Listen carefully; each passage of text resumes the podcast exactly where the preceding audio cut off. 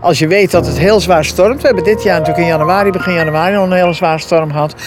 Ik luister. Wij spreken echt voordat ik nog ga slapen, nog naar het laatste nieuws. Om twee uur s'nachts of zo, om te weten van, is er wat bijzonders aan de hand?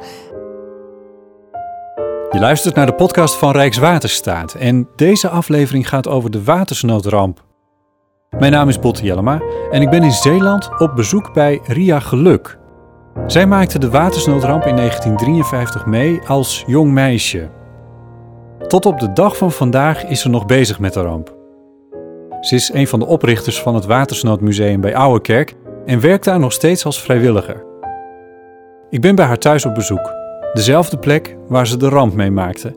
En daar vertelt ze haar verhaal. Waar zullen we naartoe? Nou ja, ja. Buiten. Daarom ik hier naar buiten natuurlijk loop, is ook omdat dit de ouderlijke boerderij is waar ik de ramp ook heb meegemaakt. Ja, want daarom zeiden ze, waar doe je het? Ik zei, ja, we kunnen het natuurlijk in het museum doen. Maar ja, hier, eh, dit is, er is niks van over van de ramp. Nou ja, het is wel de plek. Ja, ja. Want waar zijn we? We zijn eh, op boerderij de Viersprong. En dat ligt bij het eh, gehucht Capelle. Met een C zeggen wij er dan maar bij. En dat eh, ligt weer tussen eh Zierikzee en Nieuwerkerk en Ouwerkerk. Eigenlijk in die driehoek op de Duivelandse kant van Schouwen-Duiveland. Precies. En Ria Geluk, jij hebt hier altijd gewoond? Nee, ik ben tijdenlang ook weg geweest. Maar het is wel eh, de boerderij waar ik geboren ben. Waar ik de ramp dus heb meegemaakt. Eh, waar ik natuurlijk na mijn achttiende eh, wegging om wat te studeren en te werken. Maar ik ben weer teruggekomen en ik heb later de boerderij ook van mijn vader overgenomen. En daar woon ik hier nog. Juist. De ramp is intussen ruim 65 jaar geleden. Maar Ria Geluk heeft er nog flink wat herinneringen aan. De hele boerderij is in die nacht en dag, hè, dus de zaterdag op zondag en de zondag, eh, kapot gegaan. Dat wil zeggen, de schuur is ingestort, het wagenhuis is ingestort, al het vee, paarden, koeien, varkens, kippen, alles is verdronken. Alleen het huis is blijven staan. Ja. En daarin zaten wij met negen mensen, ook buren, kinderen. Die waren, eh, het was zaterdagavond te logeren bij ons. Eh, Twee mannen die mijn vader kwamen helpen om nog te melken. S morgens vroeg toen ze de boodschap kregen dat de dijk was doorgebroken. Die konden niet meer terug naar huis. En wij waren met z'n vieren thuis. Vader, moeder, zusje en ik. Hoe oud was je? Ik was zes en een half. Ja. En eh, wij hebben dus met z'n negen het overleefd in dat huis. Wij waren erg blij met dakkapellen. Dus wij konden het dak op. Ja. Het huis eh, het heeft nog eh, 80 centimeter op de eerste verdieping gestaan. Wij hadden wel een vlieringje. Maar mijn vader zag al bij de buren dat huizen instorten. En als je onder het dak zit, ben je verloren. Ja. Zit je op het dak, dan heb je een kans. ja. Dus wij zijn eh, zondag, eh, toen zondagmiddag de tweede vloed kwam en het weer nog heel hoog kwam. ja. Toen zijn wij eh, op die ene dakkapel met z'n allen, met alle jassen en dekens aan gaan zitten. En daar hebben wij de hele nacht doorgebracht. Jeetje. Waar, waar stond dat huis? Nou, dat stond dus aan de voorkant van de schuur. Zeg Ja. maar dat de schuur nu even in het midden staat. Ja. Eh, dat huis is dus blijven staan. Wij zijn maandagmiddag opgehaald door de mosselvissers uit Zierikzee. Deze polder heeft dus negen maanden blank gestaan. Zo. Want op 6 november 1953 is het laatste gat gesloten bij Ouwerkerk met de vier caissons. Wat nu het museum is. Ja. Dus onze polder heeft dus negen maanden ondergestaan. Eb en vloed. Dan moet je nog vier maanden pompen om hem droog te krijgen. En wat vind je dan terug? Ja. In ons geval een compleet kapot huis. Nou, voordat dat herbouwd is en weer ingericht is, waren we nog weer bijna twee jaar verder. Dus ik vertel ook altijd maar mijn eigen verhaal. Wij zijn drie jaar, hebben wij hier gewoon niet gewoond. Nee. Woonden wij in een, eerst op evacuatieadressen en later in een, eh, woon, in een barakje, Ja. in een eh, noodwoning, een Ja. echte noodwoning. Ja. ja. Dat was ook hier op het erf. Nee, want het is toch onder water? Ja, ja, natuurlijk. Ja, Ja. Elders. elders, net buiten deze polder. Ja. Daar hadden ze honderd van deze barakjes neergezet. Waar wij tijdelijk, de mensen uit deze polder vooral, konden wonen. Kun, En kun toen je dat, kun je eh, nog even mee- misschien, ja, toch nog heel even, dat wil ik toch nog afmaken. De schuur is dus van 1958, dus die is na de ramp herbouwd. Ja. En toen ik hier in eh 85 ging wonen, toen was het huis aan die voorkant, aan die drukke snelweg die steeds drukker werd, was niet meer leuk om in te wonen. Ten eerste was het huis wat aan het verzakken. De weg stond er zo dicht op dat je met goed verzoen niet buiten kon zitten. Dus ik heb toen uiteindelijk een nieuw huis aan de achterkant gebouwd. Een beetje weg van het lawaai. Eh, ook een makkelijker huis voor mezelf. Eh, en het oude huis heb ik moeten afbreken. En dat durf ik wel te zeggen, dat was met tranen met tuiten. Ja? Want dat was echt van, ja, ik ben in dat huis gered.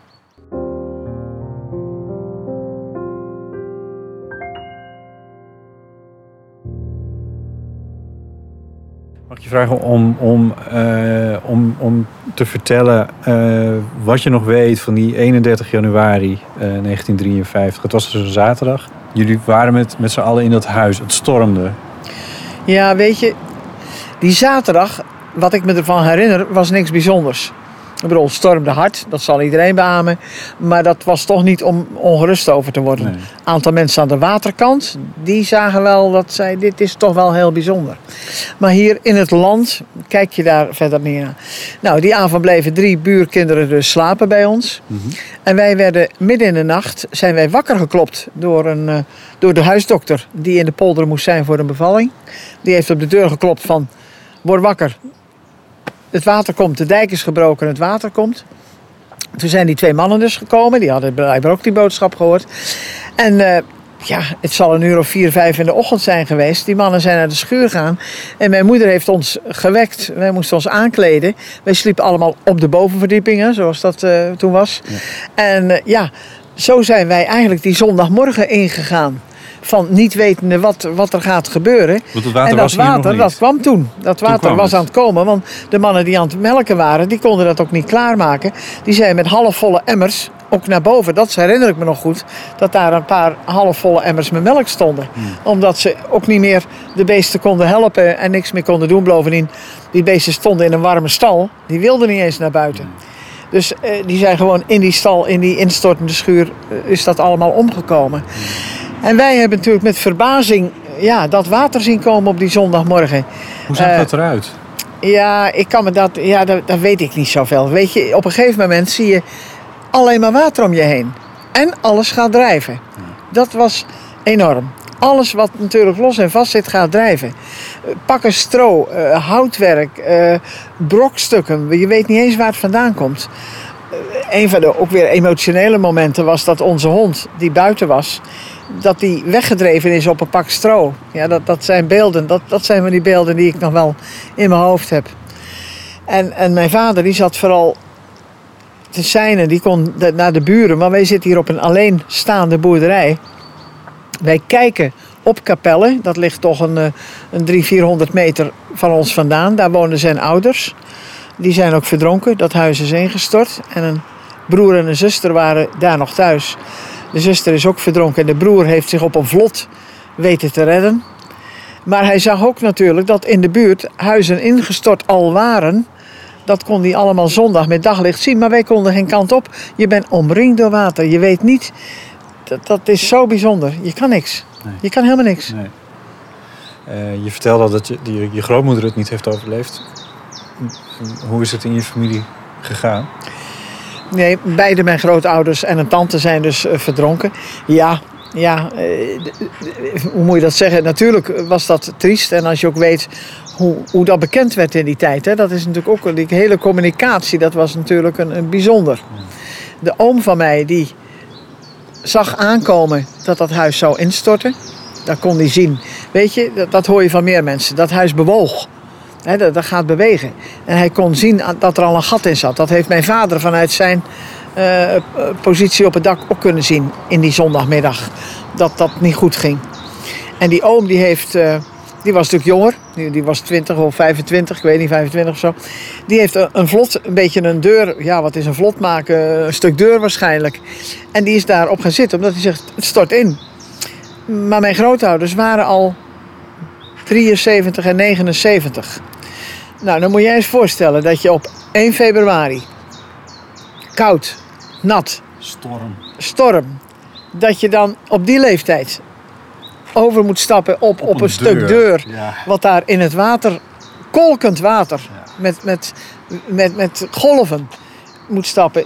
Die, die, die hebben dat niet gedaan. En die zuster, de dochter, die wilde de ouders niet alleen laten. En nou ja, mijn oom is weggedreven op de vlot en een half uur daarna is het huis ingestort. En, en ja, daar heeft hij, en hij is wonder boven wonder, want er zijn ook mensen drijvend natuurlijk kopje onder gegaan, gekapseist zeg maar, en, en nooit meer boven gekomen. Maar een aantal hebben dat op die manier gered, ook mijn oom. En die is aangespoeld ergens bij een huis. En daar is hij later ook weer met een bootje, ik geloof, naar, naar Ierseke gebracht. En toen heeft hij een brief geschreven. En uh, ik moet dat, uh, want ik, ook daar word ik dan emotioneel over als ik die brief ook uh, zou lezen. Dat ga ik nu niet doen. Ja. Maar hij heeft op 2 februari, dus dat is op, ja, op maandag al of op dinsdag, dat weet ik niet. Nee, is, nou ja, 2 of 3 februari heeft hij een brief geschreven aan, aan de familie, aan, aan zijn broer en zusters. Althans, of hij heeft het naar één gestuurd. En, want er was amper telefoon. Hè? Ik bedoel, we denken van, we doen dat even. En daar heeft hij verteld dat uh, ja, eigenlijk wel met zekerheid kon zeggen dat de grootouders, de ouders, omgekomen waren.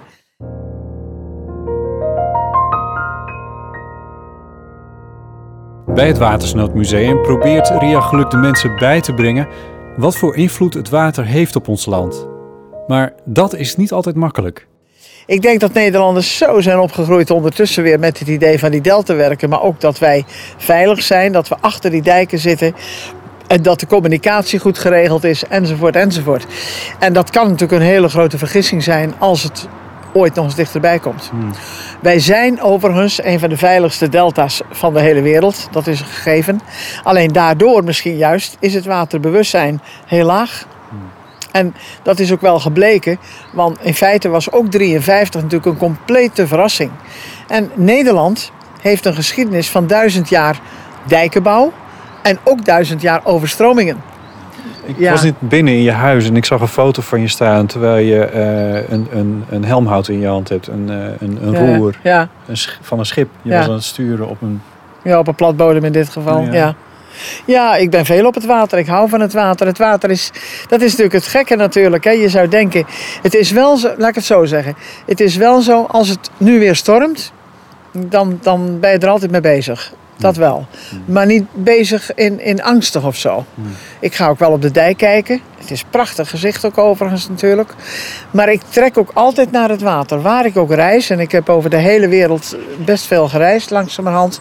Ik heb veel op schepen gezeten. Ook gevaren eh, weken met een schip mee en zo. Gezeild hier ook in de buurt. En, en ik ken geen angst in die zin voor water. Maar ik besef aan alle kanten dat het water sterker is dan wij. Het is zoveel krachtiger. En je ziet dat ook aan het strand. Ik, ik zwem niet veel. Dat is bijvoorbeeld, ik kan ook niet goed zwemmen. Maar ik ben doodsbang om, om te zwemmen als er een golf aankomt. Dat ik meegezogen word. Dat heb ik dan weer wel. Ja. Dus dit is heel verschillend. Ja.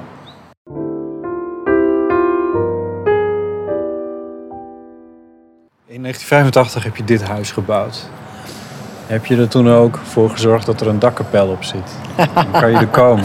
Nee, ik heb me dat zeer gerealiseerd. Want ik vertel altijd iedereen dat ze moeten zorgen dat ze een raam in hun dak hebben. Uh, en ik heb me zeer gerealiseerd dat ik een plat huis bouw met één, dus zonder verdieping. Ja. Dus zonder meer weet ik, als er wat is, ben ik als een haas weg. Dat ik mijn auto pak en wegrij naar een hoger deel. Ja. Omdat dit huis, daar doe ik niks mee. Nee, ik, het is niet anders. Ik had niet meer geld toen om een groter huis te bouwen. en voor mezelf vond ik dat ook helemaal niet nodig. Dus het, eh, dat is het verhaal. Ja. Heb je je koffertje wel eens klaar gehad? Nee, nee, hmm. nee. Dankjewel. Graag gedaan.